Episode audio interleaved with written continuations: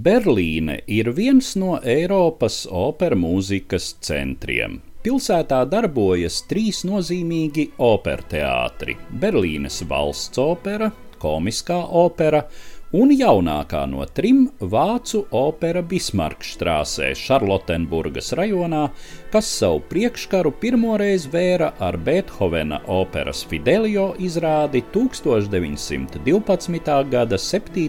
novembrī. Opernamu projektēja arhitekts Heinrichs Zēlings, kura kontā ir vēl vairākas citas iespaidīgas teātra ēkas Vācijā.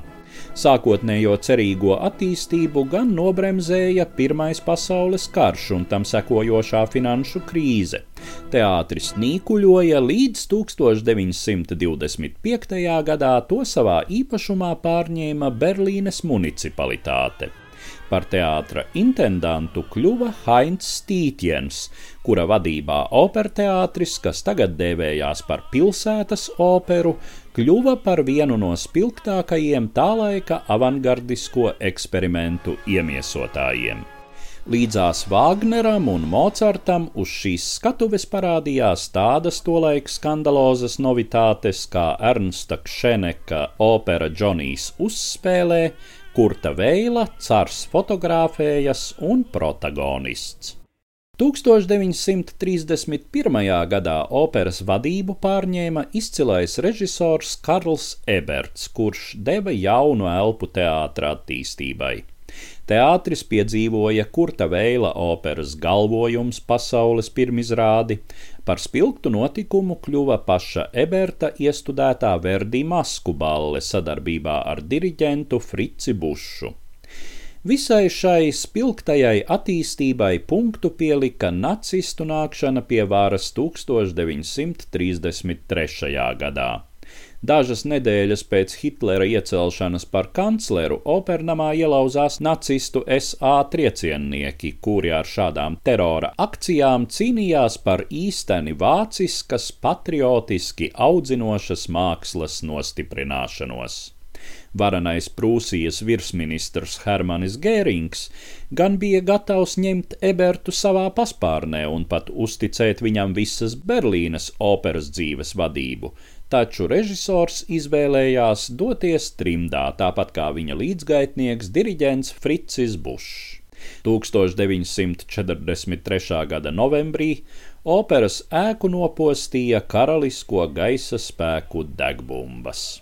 Jau dažus mēnešus pēc kara beigām operas trupa sagrautajā un okupācijas sektoros sadalītajā Berlīnē atsāka darbību rietumu teātrī, kas pirms kara bija populāra operešu skatuve.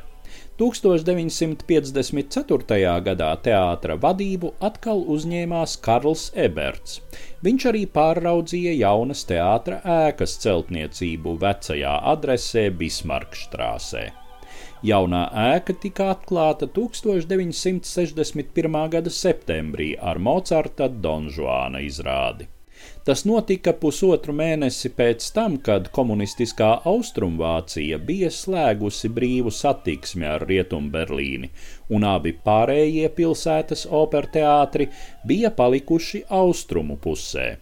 Tā nu Berlīnes vācu opera kļuva par vienīgo operu pilsētas rietumdaļā un palika tāda līdz pat Berlīnes mūra krišanai un Vācijas atkal apvienošanai.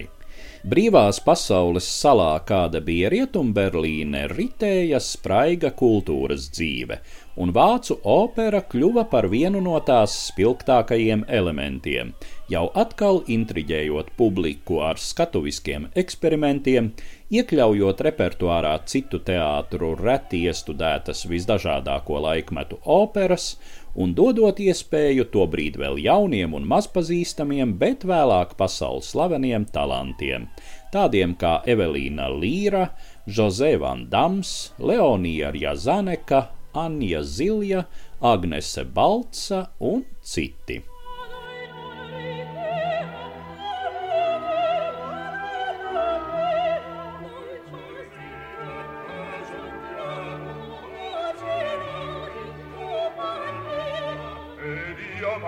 all'osteria a trovar padron miglior